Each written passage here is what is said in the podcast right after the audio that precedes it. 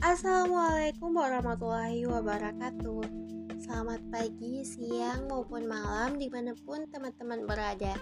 Kali ini, di podcast kali ini Kita bakal ngebahas Bagaimana sih cara mengatur waktu kuliah sambil kerja agar seimbang Kuliah sambil bekerja saat ini sudah menjadi tren di kalangan karyawan milenial tapi menyisihkan waktu setelah bekerja. Bahkan pas akhir pekan kadang suka bikin dilema gak sih?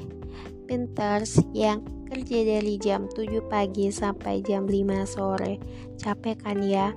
Sebenarnya worth it gak sih? Kuliah pas kamu sudah memulai karir? Nah, berikut ini keuntungan, risiko, dan beberapa tips kuliah sambil kerja buat karyawan. Waktu yang terpakai pada saat kuliah sambil kerja bisa jadi sangat berharga buat karir di perusahaan. Selain mendapat gelar akademik yang diakui, teman-teman juga bisa ngupdate beberapa hal berikut, yaitu skill up. Keuntungan paling jelas yang bisa kamu dapat adalah meningkatkan skill bekerja.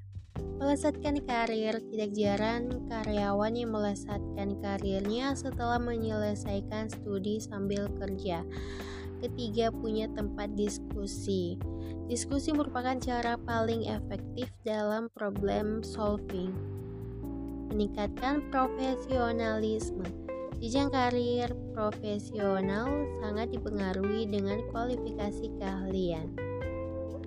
Adapun resiko kuliah sambil bekerja. Selain menguntungkan, kuliah sambil kerja juga ada risikonya loh teman-teman. Problem ini bisa jadi faktor yang membuat kamu justru tidak produktif, baik waktu bekerja ataupun belajar.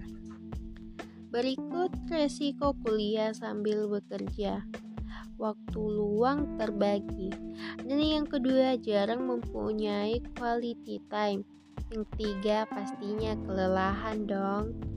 Keempat, waktu hangout berkurang.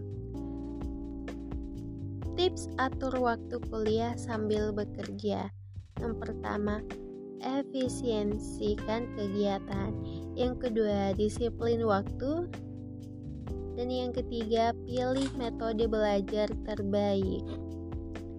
Nah, teman-teman, itulah beberapa keuntungan, risiko, dan tips sederhana untuk sukses kuliah sambil bekerja.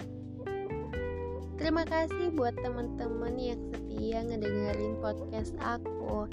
Sampai jumpa di podcast selanjutnya. Assalamualaikum warahmatullahi wabarakatuh.